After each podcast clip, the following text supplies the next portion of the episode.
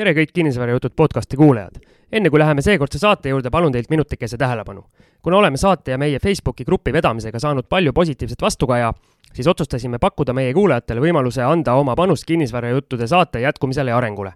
kui saad Kinnisvarajuttude saatest enda jaoks lisaväärtust ning tunned, et sul on võimalik asuda meie toetajate ringi, siis palun pane podcast hetkeks pausile ja mine veebilehele www.patreon.com kaldkriips kinnisvarajutud Siim ja Algis tänavad tähelepanu eest ning liigume edasi tänase osa juurde.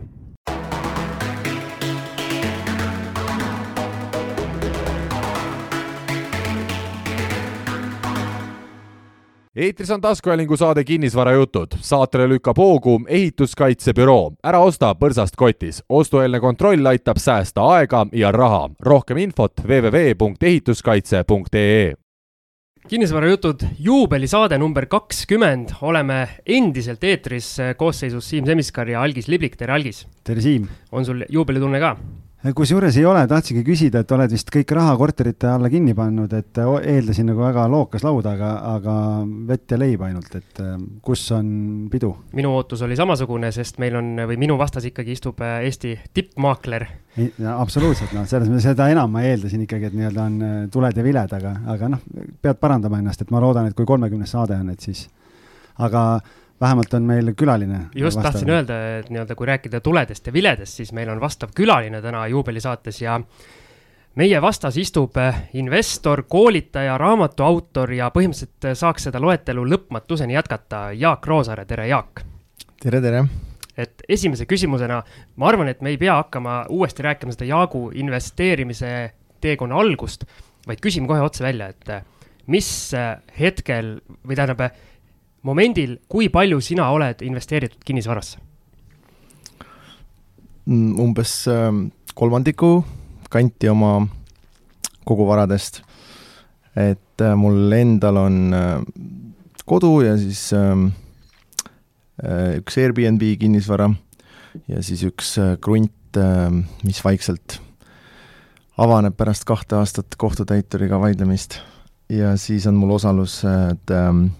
kahes arendusettevõttes ja siis äh, paar sellist äh, sõpradega tehtud ettevõtet, äh, kus on üürikorterid. no see nimekiri nendest ettevõtetest on jah, päris pikk, et ma lugesin su blogi ja ma vaatasin neid kuus või seitse erinevat asja, mis sul aasta kokkuvõttes oli välja toodud, et, et nii-öelda päris laia haardega, aga, aga Siim, kuidas me teeme, kas, kuna me Facebooki grupis äh, nii-öelda kutsusime üles kuulajaid ka, et nad esitaks Jaagule küsimusi, et äh, kas küsime kuulajate küsimused kõigepealt ära ja siis tulistame sinna veel sekka vahele ja juurde ja, ja kuidas see ettepanek tundub sulle? ma arvan küll, hakkame sealt otsast minema ja siis saavad kuulajad äh, oma küsimustele vastused ja saavad podcast'i kinni panna siis me saame oma juttu edasi ajada. absoluutselt, nali naljaks, aga algis siis hakkab pihta. jaa, võib-olla hakkame jah, et kuna küsimusi on palju ja teemasid, mida Jaaguga rääkida, et siis hakkame kohe siit eh, kiirtempos eh, tulistama, et eh, esimene küsimus on selline, et millist strateegiat kasutasid investeerimistegevuse algusaastatel, et oma kinnisvaraportfelli kiiresti kasvatada ja kuidas sa kapitali kaasasid? jah, mina võib-olla ei olegi tüüpiline külaline teil selles mõttes, et äh, ma pole kunagi eriline kinnisvara fänn olnud ja kuidagi pooljuhuslikult kinnisvara juurde sattusin. ja ma arvan, et äh, praegu ka mul ikkagi ei ole kinnisvara põhifookus, aga ma mõtlesin selle alguse peale, et äh, mina alustasin kinnisvaras siis kaks tuhat kümme ja ei saa küll öelda, et kuidagi väga kiirelt oleks alustanud, et minu meelest äh, esimene korter äh, oli meil päris pikalt, mingi aasta või, et äh, renoveerisime seda Kallega siis kahe peale. Kalle on teil ka siit saatest läbi käinud, oli väga tore kuulata. et äh, seal oli see lugu ka lahti räägitud, kuidas me pihta hakkasime. ja, ja siis äh, laias laastus äh, sealt esimesest korterist teiseni jõudsime siis läbi sugulaste ja sõprade laenude. me vahepeal tegime siis sellist natuke flippimise laadset toodet ka, et et meil oli seltskond inimesi, kes suvel käisid Ameerikas raamatuid müümas ja kes endale ka üürikorterit tahtsid ja siis me sisuliselt võtsime neilt raha ette ja ostsime nende rahaga korteri, tegime nende rahaga korda ja siis suve lõpus andsime neile selle üle ja ideaalis jäi sealt natukene raha siis alles ka. aga selline kiirem kasv oli siis paar aastat hiljem, kui me kui me esimese kortermajani jõudsime ja siis ähm, seal oli siis juba pangalaen abiks. Aga võrreldes mõne teise investoriga, siis meil oli ikka pigem selline aeglane ja rahulik start. number kuus osa oli see, kus Kalle Aron äh, meil külas käis üsna alguses ja me natukene nii-öelda pinnisime teda selles suunas, et äh, kas tänu Kallele ongi Jaak Roosaare kinnisvaras, et äh, nüüd sa saad ise ka sellele küsimusele vastata, on see nii? jaa, kindlasti, et Kalle oli see, kes müüs mulle idee ära, et peaks aktsiatest osa raha välja võtma ja kinnisvarasse panema. Ja võib-olla kui ei oleks Kallet olnud, oleks olnud keegi teine kunagi hiljem, aga aga tollel ajal jah, Kalle oli selline põhiline kinnisvara trummitaguja ja promoja. oled sa pidanud kunagi kahetsema ka seda otsust? ei, ei ole, et äh, raske on üldse mõelda, mis oleks läinud teisiti, noh, nii palju muidugi võiks mõelda, et oleks kõik raha hoopis Amazoni pannud, on ju, oleks ilmselt paremini läinud, aga suure tõenäosusega, kuna mul ei olnud Amazoni aktsiaid, siis ei oleks ka seda raha sinna pannud, nii et äh, pigem on mul hea meel jah, ja ja see on selline juhuste või doominokivide selline üksteise järel langemine, et et sealt omakorda kasvas välja Scandium ja, ja Maidoga tutvus ja ma olen sealt ärist saanud palju uusi sõpru ja, ja tuttavaid, nii et igati tore on olnud. okei okay., siis äh, üks küsimus on selline, et kui sa alustaksid homme hommikul nullist, ärkad üles, pole kunagi investeerinud, oled selline keskmine tubli Eesti mees, kes saab Eesti keskmist palka, natuke oled kõrvale pannud, raha äh, kõrvale pannud ja, ja võib-olla said just päranduseks veel sada tuhat, siis kuskohast sa investeerimisega alustaksid just tänasel päeval? mulle meeldis see küsimus jah, et võib sinna juba auhinna ära anda, aga et, et just see pool, et oled keskmine Eesti mees ja ärkad ja siis nagu muuseas on mainitud, et sada tuhat ka said veel lisaks jah, keskmine Eesti mees, kõik saavad ju sada tonni nagu, et. et ma peaaegu et eraldaks neid kahte, et, et ühel juhul ei ole seda sadat tuhandet, võib-olla kõnetab rohkemaid inimesi ja, ja juhul kui on sada tuhat aga kas paneks GME-sse kõik jah, et mina ikkagi ilmselt ei oleks seda raha kinnisvarasse pannud, e, eriti kui seda sadat tuhandet ka ei ole, et siis on nagu raske ette kujutada, kuidas sa seda esimest korterit ostma lähed. et meil Kallega sai ka koostöö nii alguse, et minul tegelikult oli vaba raha ja Kallel oli entusiasmi ja oskuseid. et äh, ma siin just enne, kui me alustasime, lugesin Postimehes oli lugu, kuidas Eften teeb oma äh, jaeinvestorile suunatud üürikinnisvarafondi, et siis keskmise Eesti mehena ma pigem paneks sinna raha ilmselt. Aga kui nüüd see sada tuhat eurot on olemas, et siis, ähm, siis võiks nagu täitsa mõelda, et ähm, et mul endal tegelikult töötas selline mudel, et ma olingi kuskil, no mitte päris sellist summat, natuke väiksema summa suutnud äh, säästa aastate jooksul, pluss siis mm, minu abikaasa oli saanud päranduseks ühetoalise korteri Tartu Annelinnas, et siis tolle müügist me saime ka mingi väikese raha, et see oligi niisugune algkapital, millega investeerimist alustasime. Et siis me ostsime Tallinnasse korteri ja, ja ilma laenuta siis ja elasime seal ja siis, kui me endale kodu ostsime laenuga, et siis selle korteri jätsime alles ja see jäi siis sellist üüritulu tootma. ja seal iseenesest oli täitsa hea projekt, et äh, ma arvan, ta kaks või kolm aastat meile tõi üüri, iga aasta sai kümme protsenti üürile juurde panna ja lõpuks seesama üürnik ostis selle välja ka, et äh, et võib-olla ma siis äh, rihiks mingi sarnase asja juurde, et ostaks endale mingi pigem natuke korralikuma üürikorteri ja, ja üüriks selle välja, et, et ma eeldan, et selle saja tuhandega sa ei hakka nagu sellist äh, mikrokorterite portfelli või mingit suuremat kinnisvara impeeriumit ehitama. aga kui me räägime siin äh, keskmisest Eesti mehest, aga räägime keskmisest Eesti investorist, et sa selles ringkonnas väga aktiivselt tegutsed. kas keskmisel Eesti investoril on ka kinnisvarainvesteeringud äh, nagu sina ütlesid, umbes kolmandik portfellist, et kas see on selline keskmine umbes või mis su hinnang on? Ma arvan, et pigem mitte, et eh, tundub mulle, et eh, kinnisvarainvestorid on ikkagi hästi kinnisvara usku, et võib-olla Kristi Saare on siin üks er erandeid, aga et mulle tundub vähemalt seal Peeter Pärteli koolitustel osalenuna, et kes on ikka kinnisvara usku, sellel muid varasid väga ei ole, et ongi kinnisvara ja, ja vastupidi võib-olla ka, et äh, kes on ikkagi indeksfondide ja aktsiate usku, see jälle ei viitsi nende üürivannidega jutumärkides mässata, on ju. Ja et seal võib-olla on omane selline tõepõhi all ka, et ähm, et selline ühe-kahe üürikorteri ähm, portfellis hoidmine noh, ei, ei pruugi nagu anda sellist suuremat efekti, et äh, et ma ise olen ka mõelnud, et tegelikult äh, võib-olla lihtsam viis edu saavutada on mingile ühele varaklassile keskenduda ja seal väga heaks saada,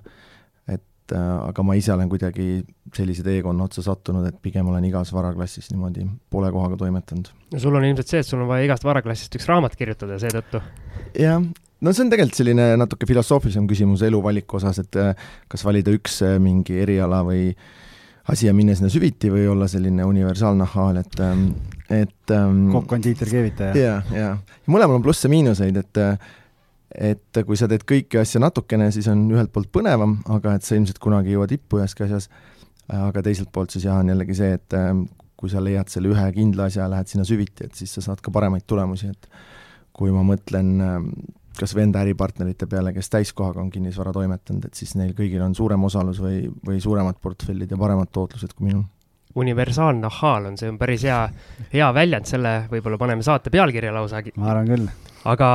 kui sa juba äripartneritest rääkisid, et kuidas sina oled, see on siis ka kuulaja küsimus, et kuidas sina oled ja milliste omaduste põhjal sa valid oma investeerimispartnereid ja äripartnereid ja ma siia ise lisaks siis väikese lõpuküsimuse ka, et oled sa kunagi totaalselt alt ka läinud sellega?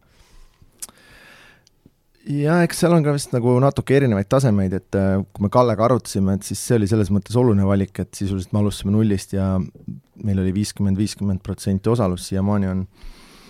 selles ettevõttes, et siis äh, mm, seal oli lihtsalt see, et me olime varem ka asju koos teinud, me olime koos raamatuid müünud, Kalle oli mul klassivend, et et me teadsime üksteist piisavalt. et selliseid päris võõraid äripartnereid mul on mõned olnud ähm, ja noh, see on laias laastus vist pigem niimoodi, et äh, ma ei ütle, et ma paneks mingid kriteeriumid kirja ja siis hakkan seda äripartnerit otsima, et pigem on selline, äh, mis ette tuleb, et äh, et võib-olla on mingid põhimõtted, mil, mille alusel siis nagu ei öelda, et pigem olen olnud alati selline jah-mees, et nagu kui mingi pakkumine tuleb ja vaba aega ja raha on, et siis miks mitte, on ju. et, et ma natukene lendasin selle orki, orki ka eelmisel aastal, et ma võtsin nagu liiga julgelt endale erinevaid projekte ots-, ette läbi mõtlemata, et äh, mis see kõik endaga kaasa toob nii aja kui, kui raha kui fookuse kulu osas. aga võib-olla niisugune peamine argument ongi see, et äh, me oleks nagu varem ka midagi koostööd teinud või siis mingid sellised referentsid, äh, mingid ühised sõbrad-tuttavad, et ma arvan, see võiks olla asi. ja, ja kuidas nagu alt lennata, siis ilmselt ähm, ähm, noh, kõige niisugune lihtsam on see, kui teine osapool kas ei ole aus või, või on seal mingid muud sellised eetilised teemad, aga aga üks koht, kus äh, mul on nagu sõbraga äri tegemisel halvasti läinud, on ka olnud lihtsalt see, et me oleme liiga, liiga sarnased, ehk siis äh, miks meil Kallega koostöö hästi sujus, et me täiendasime üksteist, et äh, et natukene nii iseloomu poolest, aga ka ressursside poolest, et, et kui mina sain sinna tuua äh, investorsuhteid ja raha lauda, siis Kalle sai tuua mm, nii-öelda oskust ja teadmist ja, ja seda ajafaktorit. aga et mul on üks, üks investeering olnud ka selline, kus me mõlemad olime, tahtsime olla passiivsed investorid ja meil seda aktiivset äh, osapoolt nagu ei olnud seal kambas, et siis see lõppes sellega, et me lõpuks müüsime selle objekti ära ja ja see oleks peaaegu tülli ka meid ajanud, nii et, et see on võib-olla üks õppetund, et äh, Äh, tegelikult ma olen seda viga teinekord veel teinud, nii et äh, kui sellist mingit investeerimispunti kokku panna, et siis olla hoolikas, et seal äh, need ei kattuks, et kui sul on kaks või kolm rahameest seal, aga ei ole ühtegi ehitusoskusega venda, siis see ei tööta tavaliselt. Kui palju üldse sulle saadetakse selliseid nii-öelda soove, nii-öelda koostöösoove või projekte või või lihtsalt seda, et äh, Jaak, et palun alla laenu, ma siin äh, lähen kõvasti nüüd sukeldun kinnisvarasse, et kui palju sulle selliseid saadetakse ja kui paljudega sa lõpuks ka koostööni jõuad? ikka tuleb mm, paar tükki nädalas vast ja algselt oli nii, et nagu ma ütlesin, yes man, et põhimõtteliselt kõigiga üritasin midagi tegema hakata ähm,. aga nüüd viimasel aastal paaril ma olen katsunud endale selgitada seda, et kui sa mingile asjale jah ütled, et siis tegelikult sa ikkagi mingi, samal ajal tahtmatult ütled millegile ei,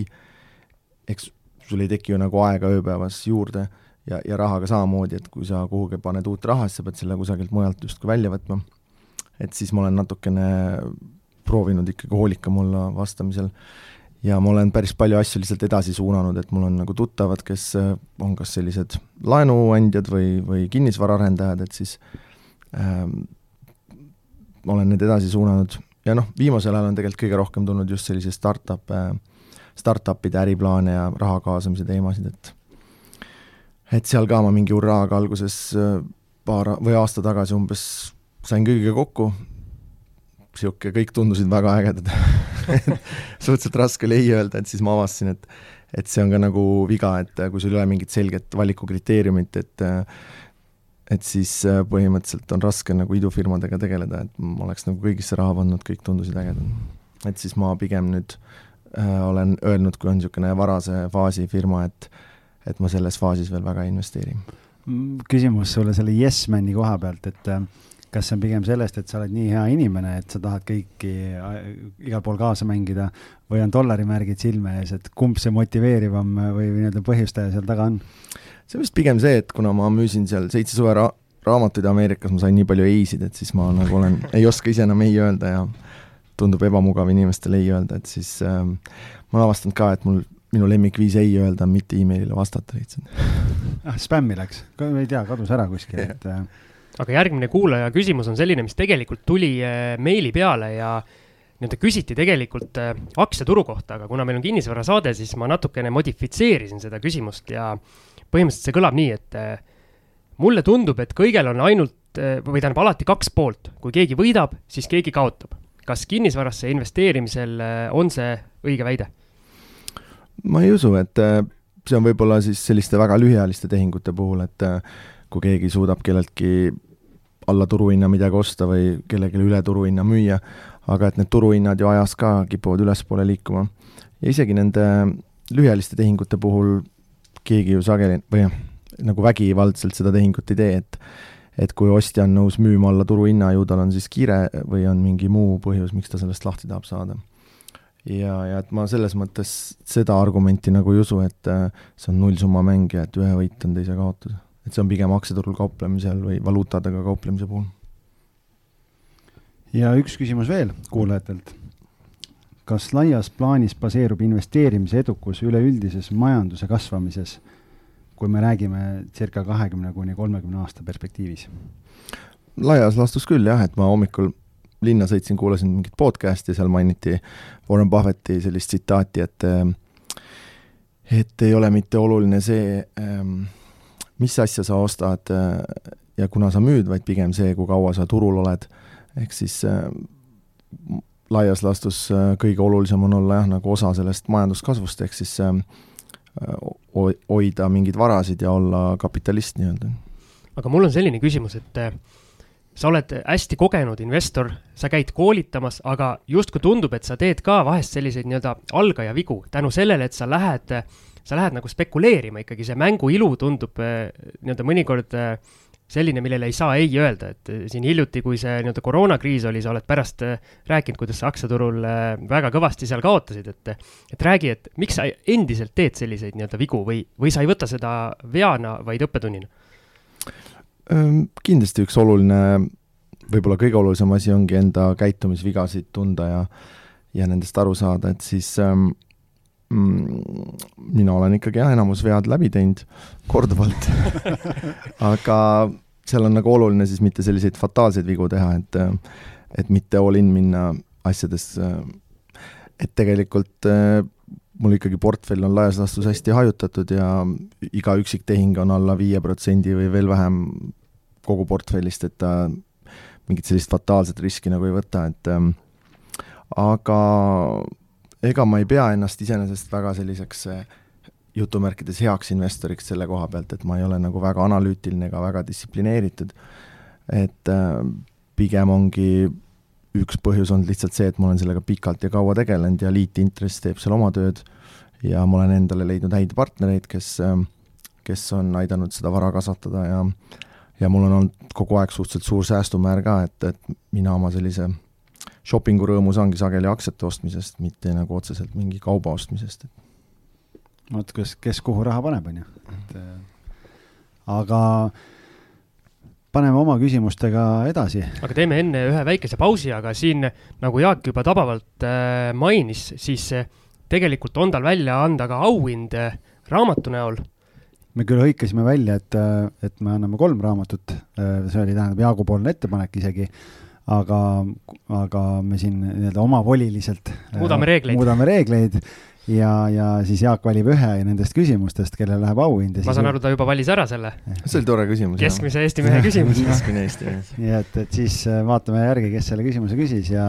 ja toimetame auhinna kätte, nii et, ähm, et, et ülejäänud kaks raamatut leiavad endale ka meie kuulajate hulgast äh, omaniku, aga, aga sinna jõuame siis, kui selleks on õige hetk. just, et äh, jälgige kindlasti Kinnisvarajuttude Facebooki gruppi, aga praegu siis väike paus, Algis saab taas mõned kõned teha ja siis oleme varsti tagasi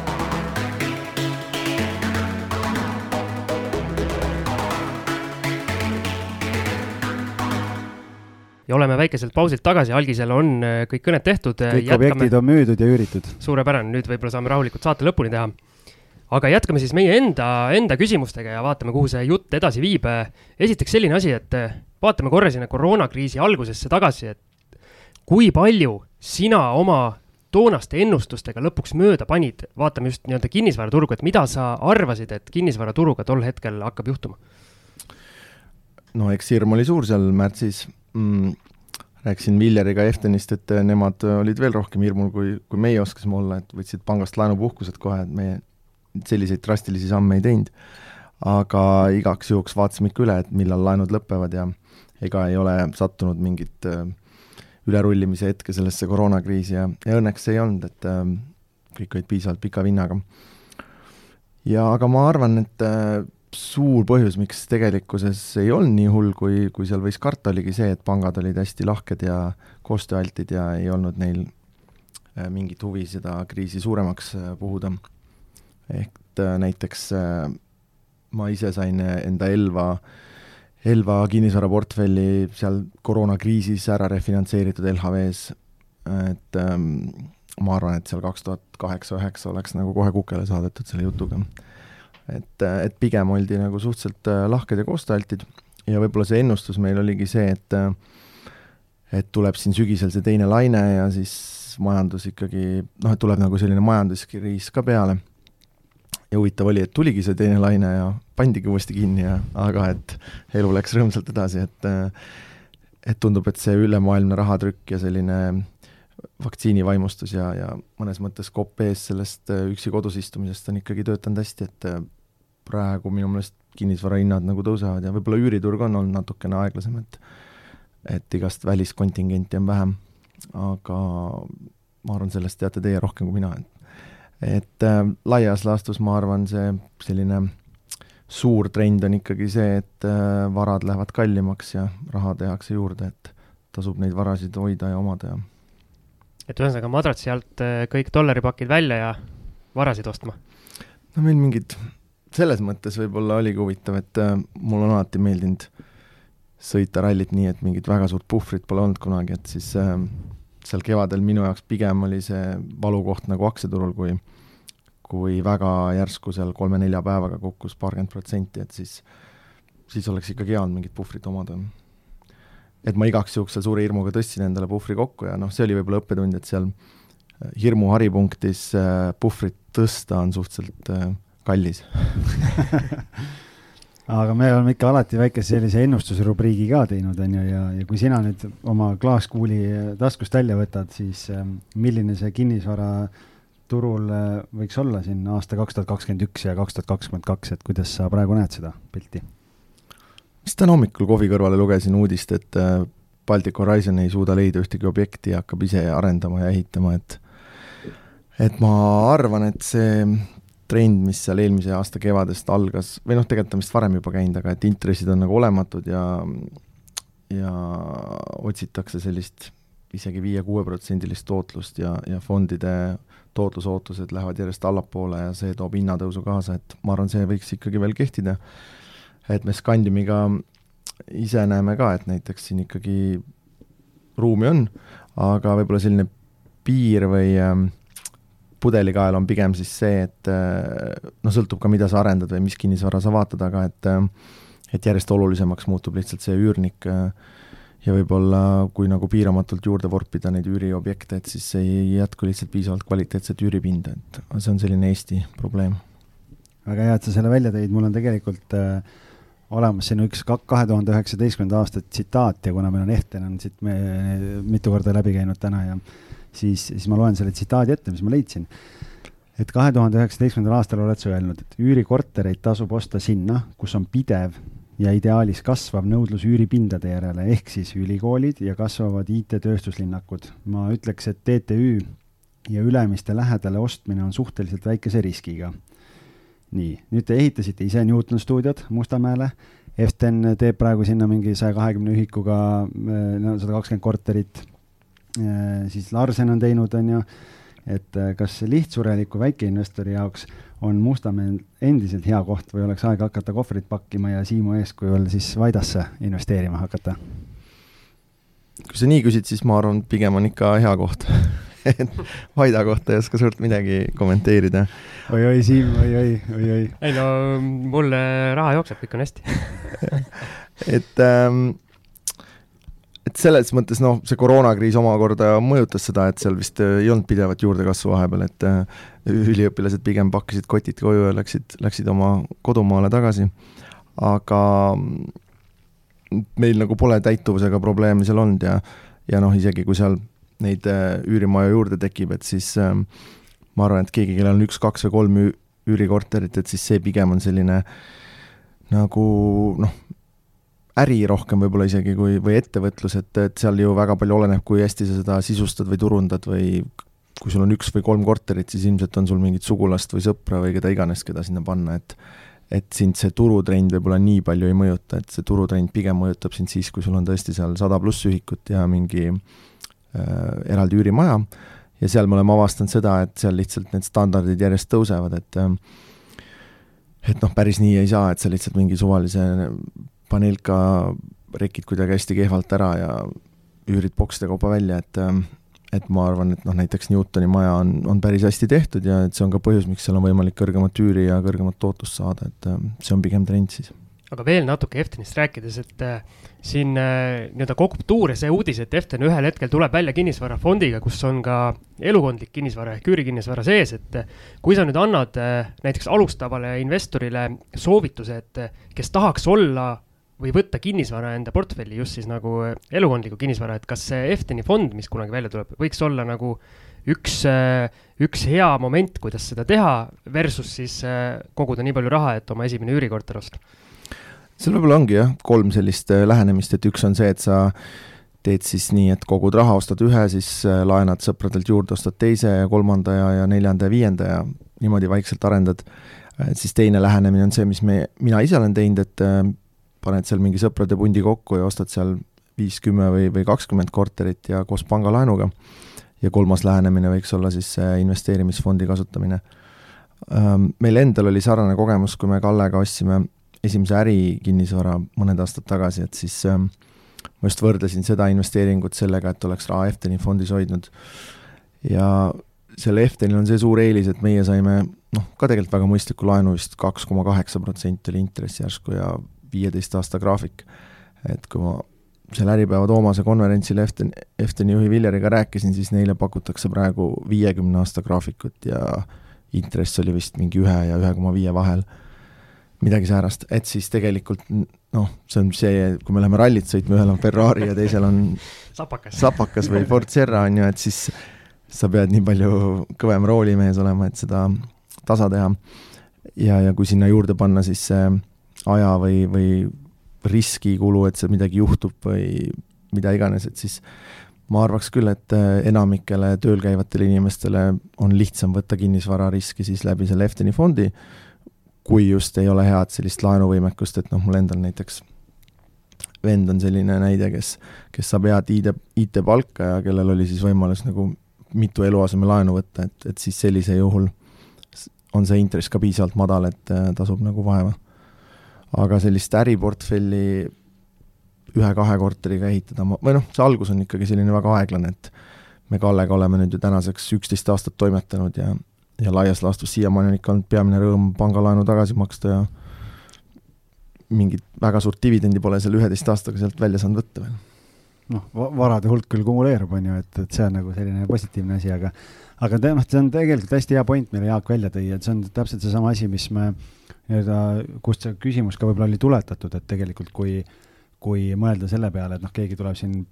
protsendise või pooleteistkümnese nii-öelda rahaga keegi saab kaks pool, kolm protsenti ja, ja siin Siimu või minusugune mm, inimene, kes tahab äh, siin võtta mingi korteri ostmiseks laenu, antakse neli pool, viis protsenti, noh, ja sa hakkad neid tootluse numbreid vaatama, siis sealt tulebki see vahe, et millist üürihinda keegi saab küsida ja see avaldab survet kohe kogu üüriturule ja ja kõik see pool, et nii et kõik need tegurid ju tegelikult mängivad ja sellepärast mul oligi just küsimus Mustamäe kohta, et noh, mingil hetkel see overkill peab nagu tulema seal, et et, et kas peaks inimesed hakkama müüma ja teistesse linnaosadesse kolima, et see on nagu, oli see küsimuse mõte, et eh, ega sinna ju, ega see tööstushinnad ka lõpu, lõpmatuseni ei kasva ja kui neid välismaalasi ka vähemaks jääb, siis siis paratamatult võib eh, ühel hetkel tekkida probleem selle korteri väljaüürimisega lihtsalt mm. -hmm. no iseenesest geograafilise asukohana ma arvan, Mustamägi on logistiliselt täitsa okei okay koht, et ma pigem vist ikkagi toimetaks seal kui Vaidas ai, see oli burn. pandi kõvasti puid alla praegu. ja, ja, ja, et see on, see oli väga hea praegu, et äh, laseme sellel hetkel natuke ja. olla, enne kui me järgmise küsimuse. ma kogun ennast ja siis lähme edasi nii äh,, juba jah, enne korra rääkisime sellest ka, et, et sa ütlesid, et äh, milliste erinevate äh, nii-öelda ettevõtetega sa oled seotud kinnisvaras ja, ja nüüd ma vaatangi jah, et, et ma lugesin kokku kuus sinu blogist, et äh, et kui aktiivselt sa ise üldse nendes ettevõtetes igapäevastes tegemistes osaled, et, et noh, nii-öelda võib-olla ongi, et siin mis mulle on kõrvu jäänud, ongi Scandium ja Everaus on nagu kaks suuremat noh, nii-öelda arendajad, kes nagu tegutsevad, et milline sinu roll üldse nendes ettevõtetes on, et oled sa ainult seal rahaga ja hästi passiivne või oled sa ikkagi mingi know-how ja ja, ja muu nii-öelda teadmisega ka sealjuures? Ehm, Scandium kasvas niimoodi välja, et sellest ka Kalle rääkis oma saates päris põhjalikult, aga et laias laastus äh, me Kallega olime toimetanud ja siis äh, Maido Lüüste, kes siis Everausis töötas, oli meil ühe portfelli kortereid müünud.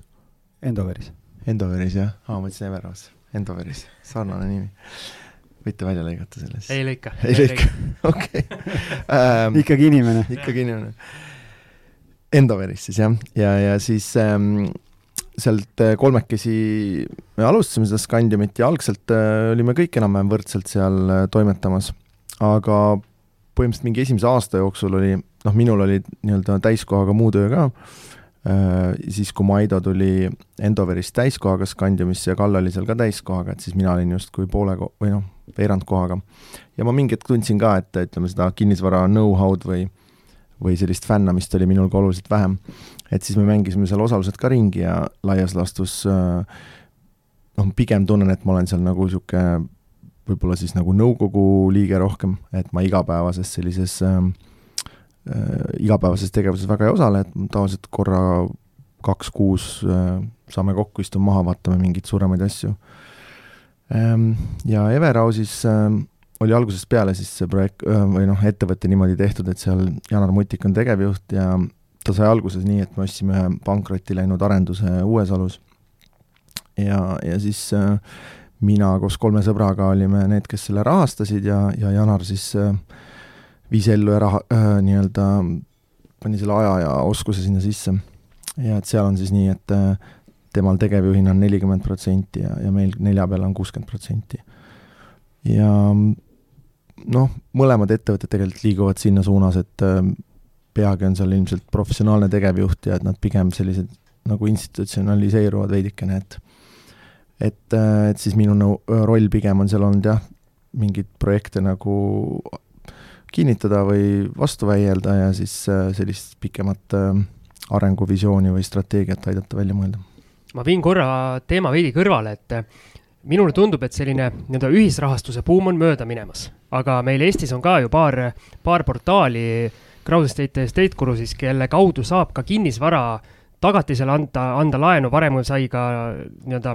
arendusprojektideks äh, anda laenu, et äh, räägi, mis sinu arvamus on, kas äh, kinnisvarasse investeerimine läbi ühisrahastuse, on see veel nii-öelda kuum teema või, või see on möödanik? Mm. no ta on vist jah, natukene populaarsust kaotanud sellega, et seal päris mitmed projektid hapuks läksid ja sellist äh, kärsahaisu tunda oli Äh, et me näiteks Everausiga oleme päris mitu projekti seal estate gurus ka rahastanud, crowd estate'is ma arvan, et kui siis ühe, aga ähm, et, et seal on omad nagu võlud, et ühelt poolt on sul intress kallim, aga teiselt poolt on hästi paindlik ja selline lühiajaline laenuvõime et sageli seal faasis pangad pigem ei tule kaasa, et siis äh, see kaksteist või üksteist protsenti on ikkagi noh, nagu mõistlik, et erainvestoritelt raha kaasata läheb umbes sama palju maksma. Ja Crowd Estate'i puhul mm, minu meelest nad tõmbasid endale ise vee peale sellega, kui nad hakkasid sinna võtma igasuguseid mitte kinnisvaraga seotud projekte nagu käibelaenusid ja mingi Baltic Foresti mingit puidutehast äh, arendada ja nii edasi, nii edasi. et, et selles mõttes, kui ma peaks ühe valima, siis mulle meeldib see hästi selge fookus estate gurul, et neil on, ongi esimese, reeglina esimese järjega hüpoteegilaenud, neil on professionaalne tiim taga, et äh, reeglina nad ikkagi varem-hiljem need laenud toovad koju ka, noh, seal võib vaielda, et mõnikord need hindamisaktid on natukene kahtlased, aga, aga see selleks ähm,. nii et ähm, ma arvan, et seal võib nagu raha hoida küll, et, et see võib olla selline äh, hea lisand, äh, et kui sul mingi osa rahast istub seal Efteni fondides, et siis panna sinna natukene kõrgemat tootlust nendest äh, hüpoteeklaenudest juurde, võib olla täitsa mõistlik aga noh, see on ju sinu raamatutest ja blogist igalt poolt ka läbi käinud ja enne ka põgusalt äh, rääkisime, et, äh, et noh, nii-öelda, et sa oled ka ise laenuandja ja oled siin see yes man olnud, et äh, et kui palju sa täna ise kinnisvara tagatisele laene välja annad ja ja, ja võib-olla seda ka, et kui palju on juhtunud, et sa oled näiteks pidanud algatama tagatiseks olnud objekti müümise ja, ja võib-olla sealt veel siis samm edasi, et võib-olla tood mõned põnevamad äh, juhtumised ka, mis sul on laenudega seoses olnud või õppetunnid, et, et need, kes täna kaaluvad, et kas anda ta, kinnisvara tagatisel laenu või mitte, et mida kindlasti peaks silmas pidama? no mulle meenub selline põhimõte, et laenu anda on lihtne, aga tagasi saada mõnikord raskem et ähm, jällegi ma pean tunnistama, et ma ei ole olnud kõige distsiplineeritum inimene, et äh, see on võib-olla ka niisugune sportlik huvi olnud ja, ja see Yesmani teema, aga et et siin headel aegadel ma andsin ka ilma kinnisvara tagatiseta laenu, et et lihtsalt mingi ärilaene jõi siis äh, lihtsalt sõbrale äh, sellepärast, et sõbral oli justkui mingi hea äriprojekt, kuhu oli raha vaja. et ähm, muljed on aga räägime siis konkreetsemalt, sul oli üks päris korralik õppetund aastal kaks tuhat kakskümmend oli Pärnus üks arendus, ma ei mäleta, mis selle arenduse nimi oli, äh, mis äh, sul läks seal kuuekohaline summa ja ja, ja seal läkski ühisrahastuse klientidel, äh, investoritel läks ka seal mingi üle poole miljoni, et ja seal minu meelest, kui mälu ei peta, sa andsid ilma hüpoteegita, andsid raha, et võib-olla sa räägid seda tausta natukene, et mis seal juhtus mm? -hmm. no ma pean äh, ilmselt suvel ära uuendama selle kinnisvararaamatu, et siis saab sinna põhjalikult selle lahti kirjutada, et siis võib-olla on see pankrotimenetlus lõppenud ka. et seal on veel praegu nagu mingi viimane pankrotivaatus käimas. aga laias laastus oli jah, et ma aasta-kaks, võib-olla isegi kolm aastat tagasi hakkasin tegelema siis niisuguste sündikaatlaenudega, ehk siis panin äh, huvilistest kokku sündikaadi ja siis rahastasime ja noh, nagu ikka, et sai alguse nagu turvalistest ähm, kinnisvaraga tagatud asjadest ja ja siis äh, vaikselt, vaikselt nihkus nagu sinna kahtlasema radioaktiivsemate laenude poole, et äh, et äh, minu arust Warren Buffettil on jälle mingi ütlus, et I was Snow White but I drifted et äh, umbes nii. et siis see, see konkreetne Pärnu arendus, see Vesiroosi arendus ähm,, et see Mikk, Mikk Kuisma, kes seda arendas, oli käinud ka seal Peetri koolitusel rääkimas, me olime koos esinenud ja olime niisugused teretuttavad ja ja noh, see on ka niisugune pikk lugu, et ilmselt sinna väga detailidesse ei jaksa minna, aga, aga lühidalt oli siis see, et see maja oli nagu peaaegu valmis äh, ja ta jooksis seal rahastusega kinni, sellepärast et äh, Crowd Estate ei tahtnud enam raha juurde panna ja pank ei olnud ka nõus enam juurde panema. selleks, et saaks asjaõigustesse minna, oli vaja seal paarisaja tuhande eest ehitustöid lõpetada ehk siis oli selline nagu surnud punkt, et et ja müük kukkus ka ära seal äh,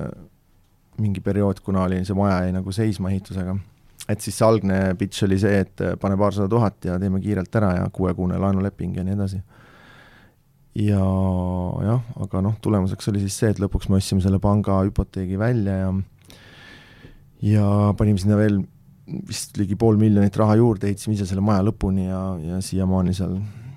pankrotimenetlus veel käib ja kõik raha pole veel koju tulnud, nii et niisugune jah, korralik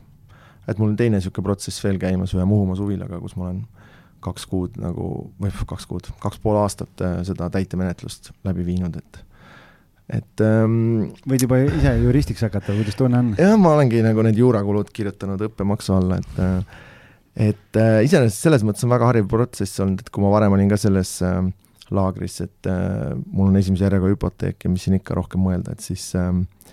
on ikkagi meil see juriidiline süsteem suht paindlik, et siin saab huiata nii palju, kui viitsid ja kui on mingi väiksem, väiksem laen, et siis lihtsalt need sinu enda juurakulud, kui sa ei ole ise jurist, lähevad nii palju suureks ja see aeg läheb nii palju pikaks, et äh, sellega on võimalik ikkagi välja pressida sellist äh, noh, kiiremaid lahendusi, et kustutame kolmkümmend või viiskümmend protsenti laenust ära ja, ja lähme eluga edasi. No nii, et äh, juhtub ka parimatel, et ma loodan, et nüüd need inimesed ära ei ehmatanud, kes plaanivad siin kinnisvaralaenu anda, et äh, et tuleb lihtsalt, äh, tuleb üheksa korda mõõta ja üks kord lõigata, nagu ma ikka olen öelnud ja nii et. ja on, on ka edukaid laene olnud, et kõik, kõik ei ole halvad olnud ilmselt, kui sul edukaid laene poleks, siis sa siin saates ka äh, ei oleks. aga äh, ma siin jätkan natukene võib-olla sellistel sombustel teemadel, et kui palju sul on investeerimisteekonna juures olnud selliseid hetki, kus sa ei saa aru täpselt, mida sa teed, aga ikka lähed edasi? ja on ka kinnisvara juures äkki selliseid momente olnud? jaa, et need olidki eelmine aasta äh, kaks sellist tehingut, et äh, kui see märtsi krahh peale tuli, siis ma just vaatasin, et see on nagu selline noh, siis märtsis ma olin suht kindel, et nüüd on nagu suurem langusfaas algamas üldse majanduses ja börsidel ja kinnisvaras. Et see tunduski selline sümboolne tiputehing olevat, et nagu eriti loll tehing ja ja agressiivne ja suurte ootustega ja nii edasi. aga laias laastus ähm, üks pool oli see, et ma mõtlesin, et mul on kangesti endale vaja mingit ranchot ja siis ma ostsin peaaegu ostsin endale maamaja Suure Jaani ähm,. Õnneks siis äh, kõrgema saatuse tahtel nagu vahetult enne notarit selgus, et seal on mingi äh, pärijatevaheline vaidlus ja seal oli mingi keelumärge, et siis ei saanud notarisse minna ja siis ma sain oma raha tagasi, välja arvatud siis see käsiraha. ja, ja teine tehing oli ka seal Viljandimaal, et siis me hakkasime ühte kortermaja rekkima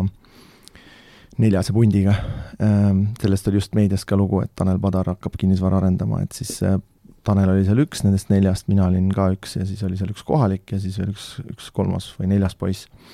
et see oli see, millest me enne rääkisime ka, et tegelikult meil see seltskond ei olnud nagu väga, väga pädev seltskonnana, et meil olid seal nagu kõik promo- ja rahamehed, aga meil selliseid äh, asjalikke ehitusmehi väga ei olnud või nagu, mitte isegi ehitusmehi, aga selliseid äh, arenda, arenduskogemusega inimesi ja tegelikult ka rahamehed olid rohkem või noh, et kriisi alguses selgus, et ka rahameestel pole nii palju vaba raha, kui nad, kui nad arvasid, et neil on, et et laias laastus äh, tulin sealt väikse kahjumiga välja, mul oli nagu hea meel, et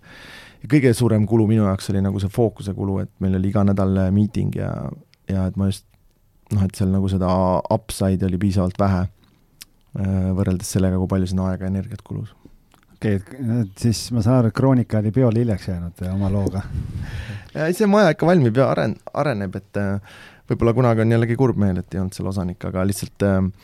kui ma nüüd Tartu maanteel sõidan ja vaatan, kaugel see Viljandi ikka on, siis ma alati mõtlen, et jumal tänatud, et seal välja sai nendest projektidest. no Aida on oluliselt ligemal, kui mööda Tartu maanteed no, sõita. sul on ju jala minna kodunt et... no põhimõtteliselt küll, jah. aga äh, meie Facebooki grupi juurde tagasi tulles võib-olla on, on selline asi, et meil on hästi palju, kui me, kuna meie nii-öelda podcast on eelkõige suunatud ikkagi nii-öelda alustavale või väiksele investorile, kes astub esimesi samme ja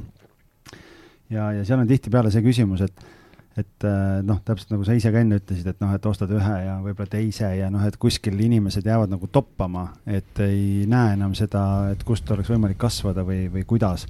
ja siis meil üks kuulaja on ka küsinud, et äh, Äh, kunagi varem juba, et kuidas astuda samm edasi flip imiselt ja üüriärilt arendamise juurde, et see on justkui nagu liiga suur samm, et on sul mingeid häid nõuandeid, kui keegi tahab, tahab meil siin üheksateistkümnendas saates käis ka, käis Liina Henning külas ja rääkis, kuidas tema flipib siin erinevates Eestimaa linnades, et et ütles, et mingil hetkel võib-olla võta ka siin nelja, kuue, kaheksa ühikuga mingi maja ette, et mis see loogiline samm oleks või, või kuidas seda hüpet nagu teha, et teil Kallega läks ta nagu suhteliselt noh, muus eas nagu, aga aga on sul mingeid häid nõuandeid anda inimestele? jaa, et äh, mul laias laastus on kaks või noh, kolm kogemus siis jah, et et Scandiumis meie lahendus oli siis see, et meiega liitus Maido, kellel oli varasem kogemus siis Endoverist, on ju et, et see on kindlasti hea lahendus, kui sul on pundis keegi, kes juba varem on seda teinud, et siis ilmselt teed oluliselt vähem vigasid. siis Elvas me ka arendasime, aga noh, mitte suurel määral ja pigem nagu arendasime iseendale, mitte müügiks. Et ma arvan, seal võib-olla on, või mitte võib-olla, vaid päris kindlasti on päris suur vahe, et kas sa arendad endale enda portfelli üüriport-, üürikortereid või sa arendad müügiks kodusid. et seda me oleme Scandiumiga ka näinud, et me oleme teinud äh, vist siiamaani ühe projekti, kus me müüsime kodudeks äh, kortereid, et seal need ootused sellele on oluliselt äh, noh, kuna ka ostjatel on suuremad ootused, siis see sinule arendajana tähendab ilmselt suuremaid kulusid ja kui mitte suuremaid kulusid, siis vähemalt suuremat jebla ja sellist asjade ümbertegemist ja ja mingit infovahetust mingite väikeste asjade üle. et äh,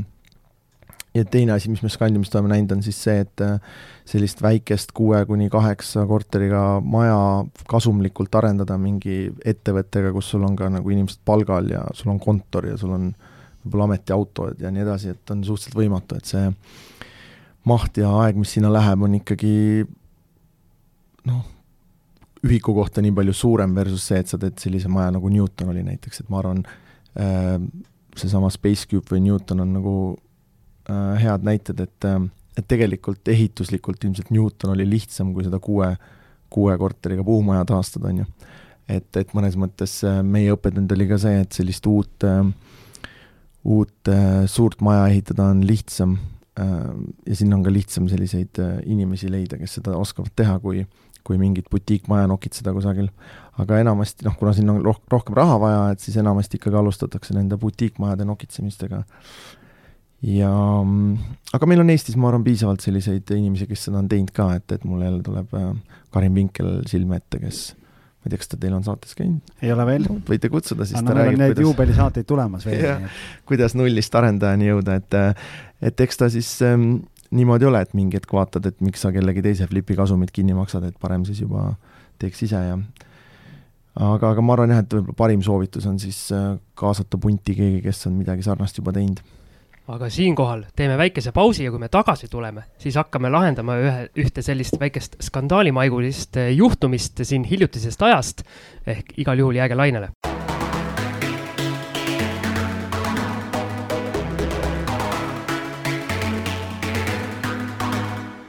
oleme väikeselt pausilt tagasi ja sündinud on ajalooline hetk, et mina juhatan sisse peale pausi saate, nii et,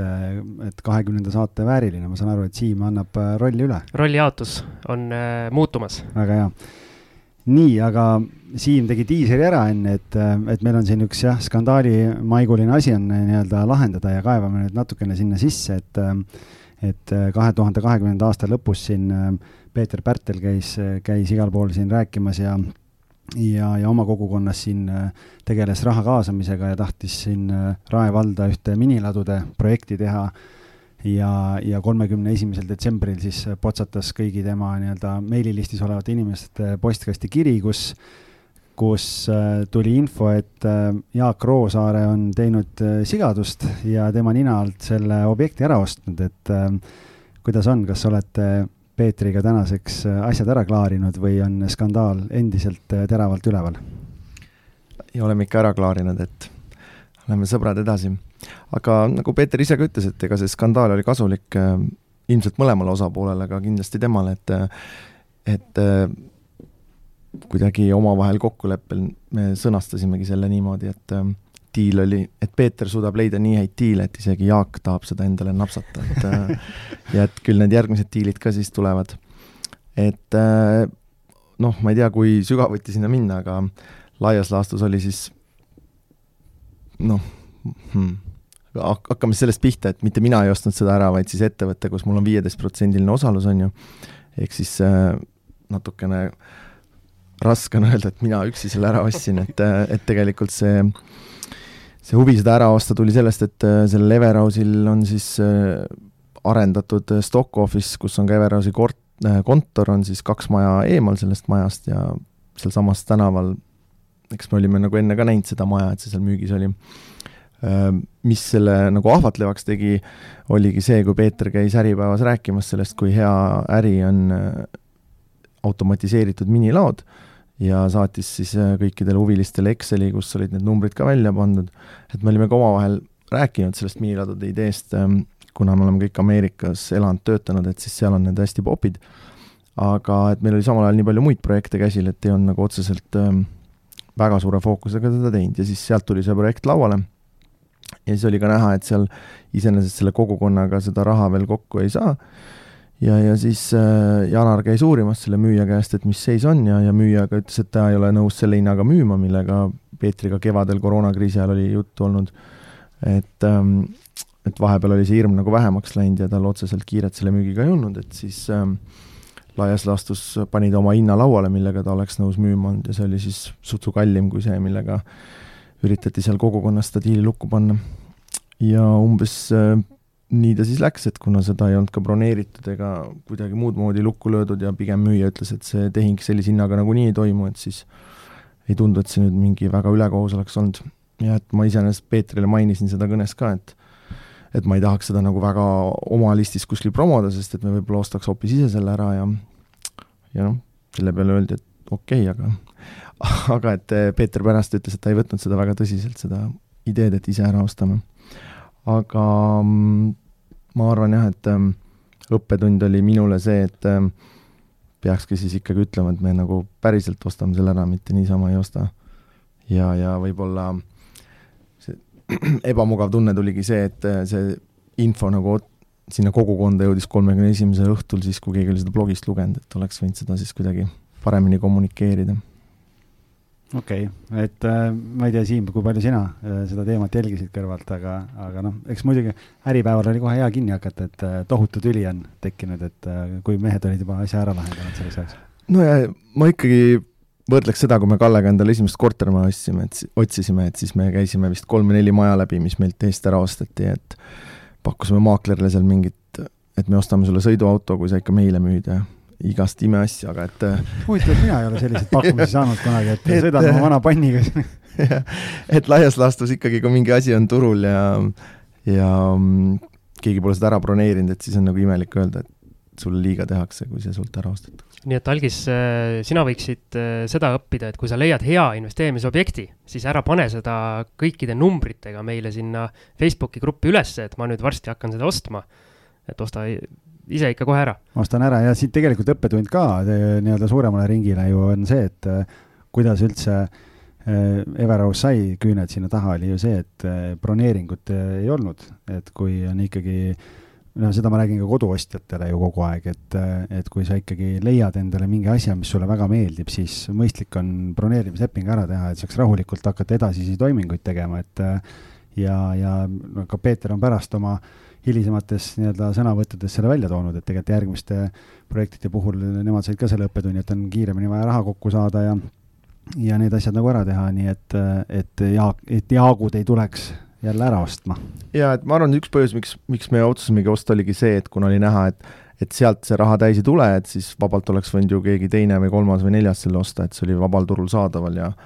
neid Jaakusid jutumärkides oli ilmselt ju veel, kes lugesid ja võib-olla huvi tundsid selle vastu, et et lihtsalt ma saan aru, seal oli äh, nii-öelda kehv kommunikatsioon, nagu viimasel ajal on kombeks öelda.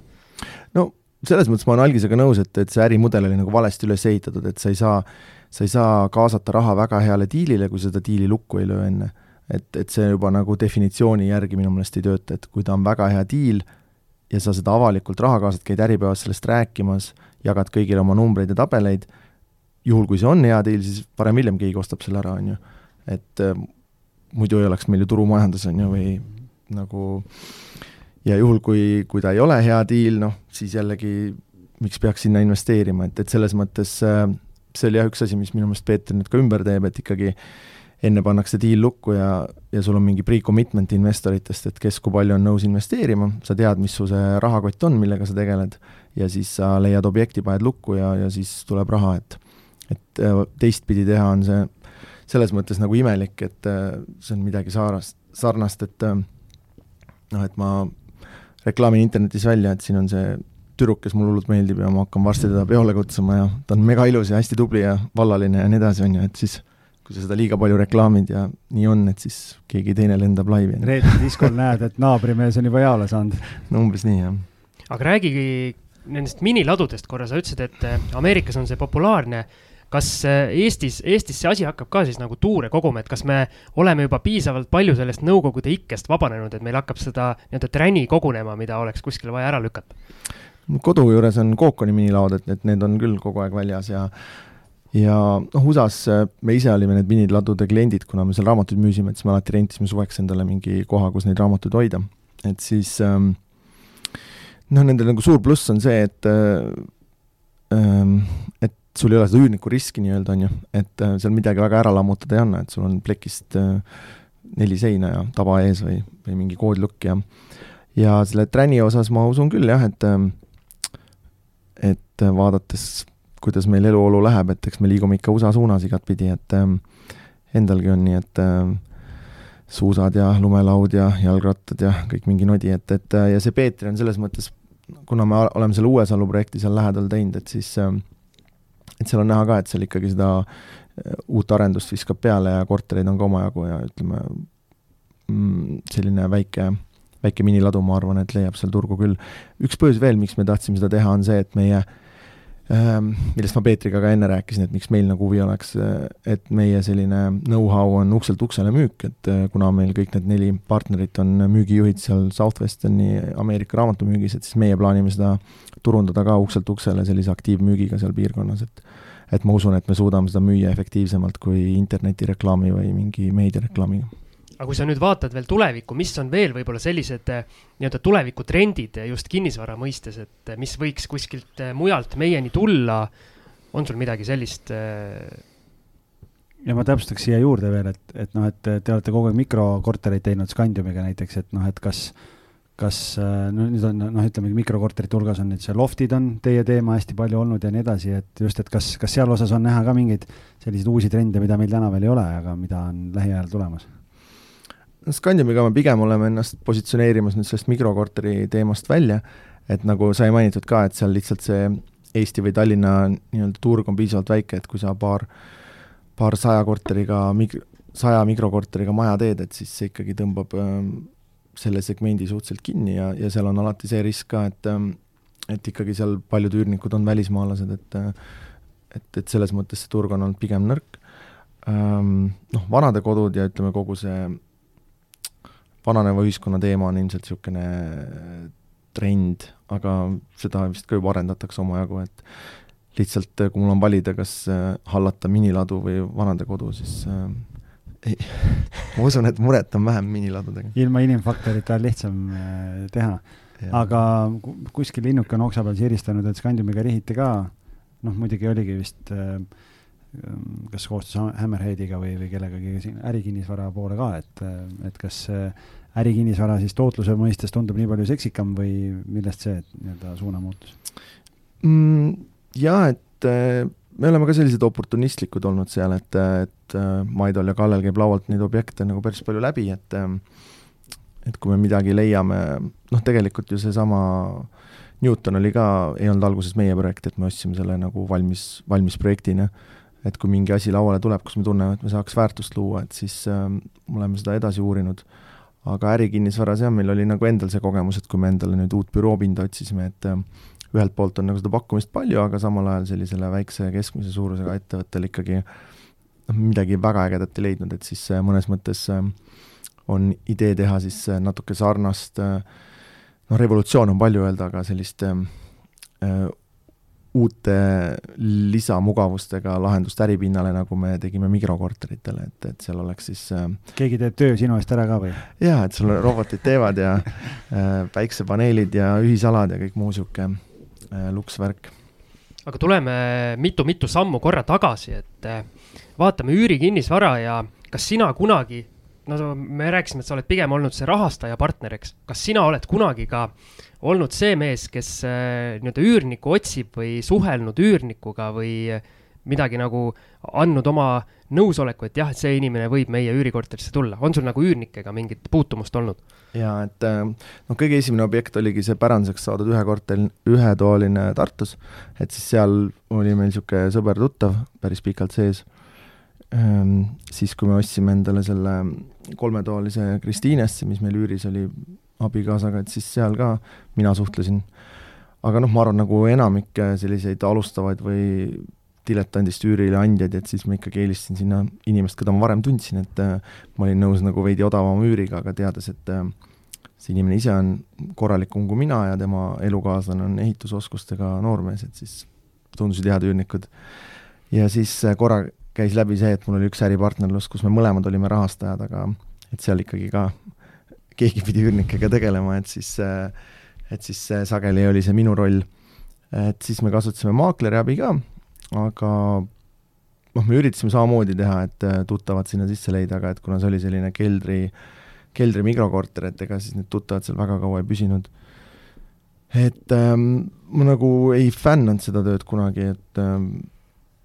pigem olin jah, nagu valmis ähm, saama veits väiksemat raha ja kasutama maakleri abi et sa rääkisid, et sinu nii-öelda üürilise segment oli see nii-öelda tuttav või pooltuttav, aga on sul mingeid äh, nii-öelda huvitavaid või õpetlikke lugusid ka rääkida, kus ikka nagu kõvasti on äh, nii-öelda valikuga metsa läinud? no Kalle ilmselt võis rohkem neid lugusid jagada, et äh, mina puutusin nendega eelkõige kokku emaili ja piltide vahendusel, et äh, päris oma näppupidi ei ole juures olnud, aga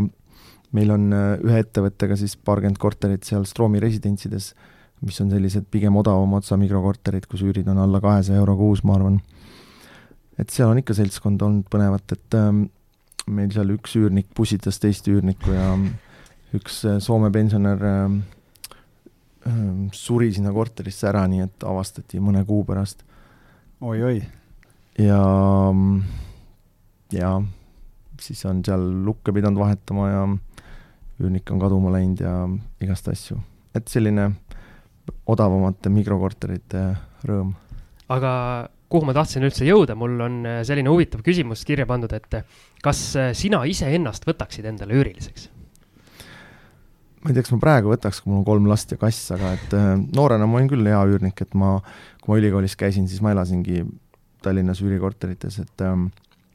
et ma enamasti käisin nädalavahetuseti Tartus vanade koolikaaslaste ja, ja vanematel külas, et siis ähm, ja päeval ajasin ka linnas asju, et ma olin selles mõttes, ma arvan, ideaalne üürnik, et nagu mõned üksikud peod kõrvale jätta, et siis äh, hoidsin oma üüriobjekti suhteliselt heas korras no ma tahaks näha seda üürileandjat, kes äh, sinisilmselt usub, et tema üürnik mitte ühtegi pidu mitte kunagi ei tee. meil ülikooli ajal mul oli väga tore üürikorter, meil oli selline ähm, üürileandja, kes ise, ise töötas äh, Lõuna-Eestis ja siis tal oli ainuke tingimus oli see, et äh, korra kuus ta pani ise pidu seal, et siis me pidime kadunud olema, aga muidu ta ütles, et te olete ainult korra noored, pange täiega, et et seal oli täitsa lõbus aga sina oled nii-öelda ise siis seda usku, et enda kodu kinnisvarana võiks omada, et mitte siis olla üüriline. ma tean inimesi, kes nii-öelda ostavad kodulaenuga endale siis korteri, mille üürivad välja ja ise elavad ka üüripinnal. Ma jah, siis kui me esimese lapse saime, et siis me ostsime endale sellise oma kodu. ma olen pigem isegi oma kodu välja üürinud, et meil on see maja Airbnb-s olnud põhimõtteliselt kuni kolmanda lapse sünnini oli suhteliselt kogu aeg, et et äh, ma nagu selliseid üürilisi ei karda, lihtsalt äh, võib-olla seal see peamine argument on see, et ma sain suhteliselt hea kodulaenu, et siis ta tundus nagu rahaliselt mõistlikum ähm,. Aga keegi, ma arvan, tänapäeval see on ka täitsa okei okay variant ja eriti nüüd, kus on need nii-öelda institutsionaalsed üürimajad, kus sa ei pea muretsema selle pärast, et äh, öeldakse, et nüüd korter läheb müüki ja pead siit välja kolima, aga aga ma arvan, et ikkagi enamus inimesi võiks, võiks omada oma kinnisvara, et, et noh, see võib ka nii olla, nagu sa mainisid, et sa omad üürikorterit ja ise maksad ka üüri, et aga et et ei ole hea olla terve elu nii, et sul endal ei ole kinnisvara, et see rahatrükk ja inflatsioon, varade inflatsioon liigub ikkagi sinna kinnisvarasse ka, et siis see on selline sääst, mida väga tähele ei panegi, aga aga noh, tekitab sulle mingi sellise finantspuhvri, et selles mõttes tasuks ikkagi kodulaen võtta ja kinnisvara osta. ehk siis esimene kodulaen tasuks meie kuulajatel võtta kohe ära, kui see võimekus tekib ja siis eh, kas või elada vanemate juures ja siis koguda üüri? nojah, siin Peeter Pärtli juurde tagasi tulles, et siis temal oli ju selline mudel, et osta või üürid, ei, ostad neljatoalise korteri kodulaenuga, üürid kolm tuba välja, elad ise seal ühes. et ähm, me isegi Scandiumiga vist päris algfaasis arendasime selliseid kortereid, et olid nagu kaks korterit kokku ühe välisuksega, et sisuliselt sa said äh, kodulaenuga osta korraga nagu justkui kaks eraldiseisvat korterit, äh, ühes elasid ise, ühe üürisid välja, see üür maksis sul kodulaenu, et et tegelikult äh, kellelegi, kes tahab oma sellist investeerimisportfelli efektiivselt alustada ja võib-olla on elukvaliteedis nõus natukene järele andma, et siis see pole halb mõte, et seal niikaua kui lapsi pole, üürida oma korteritest mõned toad välja ja ja selle arvelt siis rohkem säästa väga kuldsed sõnad jälle. Aleksel jäi suu kinni praegu. ma kohe vaatasin ja mõtlesin selle peale. mida sa oma eluga teinud ei, oled? jaa, ja päriselt ma ketrasin ajapilti tagasi sellepärast, et äh, reaalselt võtan enda elust äh, näide, kus äh, kunagi üsna noorena tegelikult hakkasin päris äh, head sissetulekut äh, teenima ja tegelikult noh, lihtsalt oli see, et äh, oli pidu ja pillerkaar oli kogu aeg ja, ja siis olid veel natukene anti nõu ka umbes, et noh, et praegu siin ei ole ikka õige aeg osta, siin umbes mingi kaks tuhat kümme kuni kaks tuhat kaksteist on ju, noh, kui me nüüd tagasi mõtleme sellele ajale, no siis tagusin üüri kümme aastat või kümme pluss aastat on ju, noh, et tegelikult kui tollel ajal oleks äh, võtnud kodulaenu, siis äh, noh, täna võiks äh, nagu väga palju asju teistmoodi olla, aga noh, see on mitte et nagu kahetsusega, aga just see, kui Jaak rääkis, ma ütlen, et kui mulle keegi oleks andnud kümme aastat tagasi sellist nõu, et noh, mul kahjuks nii-öelda anti vastupidist nõu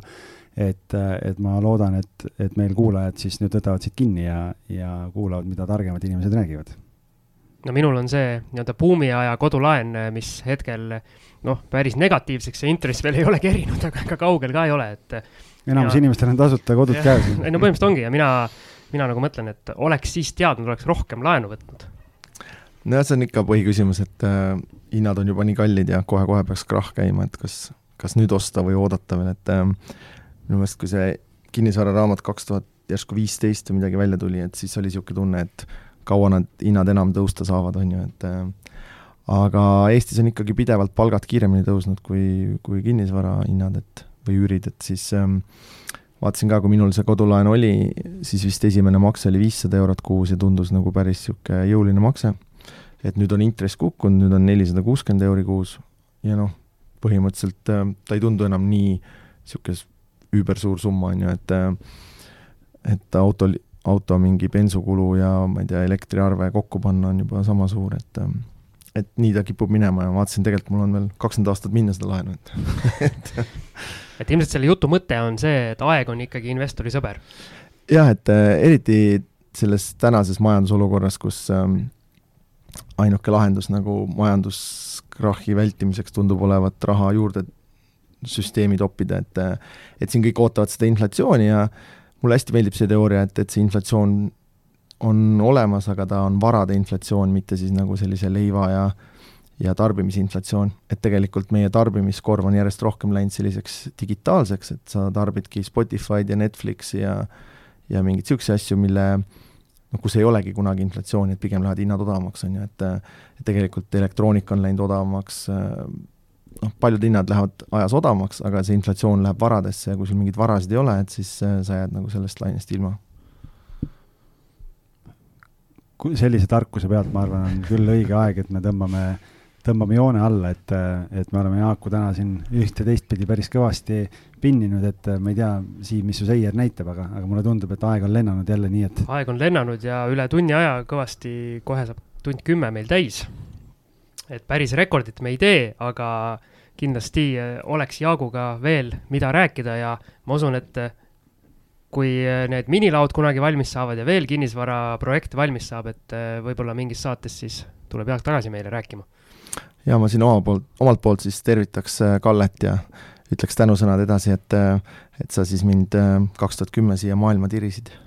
ja millal tuleb siis see uus kinnisvaraks, kinnisvaraga rikkaks saamise õpiku uus trükk, kus on siis äh, kõik need äh, vahepealsed äh, fopaad lahti kirjutatud? no praegu töötan aktsiate raamatu kallal, et ähm, ega see raamatu kirjutamine niisugune vaevarikas protsess, aga peab valmis tegema ikka hiljemalt selle aasta lõpuks, uue aasta alguseks, et seal laos saavad raamatud otsa, et siis on valik, kas trükkida juurde juba vananenud materjali või olla ikkagi eetiline ja teha uus asi. aga mul on küsimus, et millal tuleb sinu sulest ka krüptorahadega rikkaks saamise õpik või seda tuleks liiga, liiga tihedalt või startup idega rikkaks saamise õpik, kõik, kõik on ju nii head. jaa, ma olen tegelikult lubanud välja juba mõned, mitu kuud tagasi, et tuleb ettevõtlusega rikkaks saamise õpik, kus siis võib vähemalt startup'id ja asjad sinna sisse kirjutada. Et tegelikult see on selline ka natukene filosoofilisem teema, aga et äh, üks niisugune suur tagasiside, mis mind ennast äh, kriibib või häirib, on olnud see eriti koolilastelt, et noh, et lugesin selle läbi ja nüüd mul on sada euri ja nüüd kuidas ma seda keerutan siin ühes või teises kohas, et see suureks varanduseks kasvab. et siis tegelikult äh, ikkagi ettevõtlus ja selline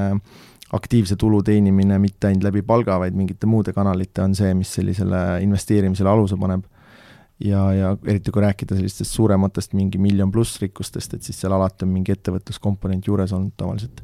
nii et äh, ettevõtlusraamat tuleb kindlasti enne kui krüpto.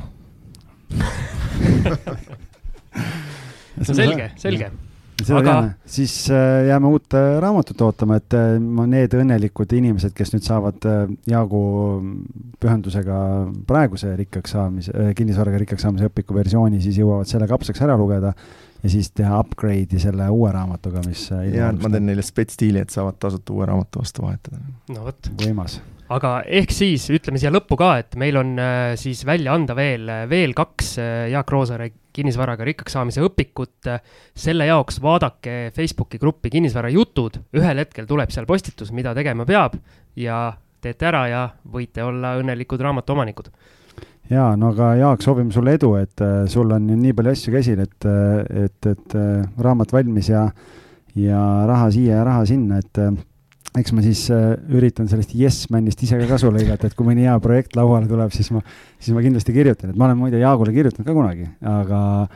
aga see, see vastus, mis sealt tuli, oli nii rasvase protsendiga, et minu äriplaani see ei mahtunud, et et aga noh, eks peab siis paremaid projekte otsima. mina olen seda lugu kuulnud, kunagi võib-olla Algis kirjutab ka raamatu, siis äh, kirjutab selle sinna sisse. jah, aga suur tänu, Jaak, sulle, aitäh, Siim, sulle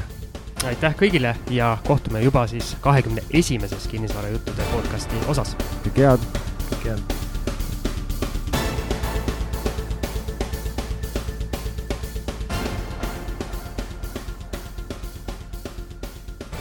Kinnisvara ostueelne kontroll aitab säästa aega ja raha. vaata lisa www.ehituskaitse.ee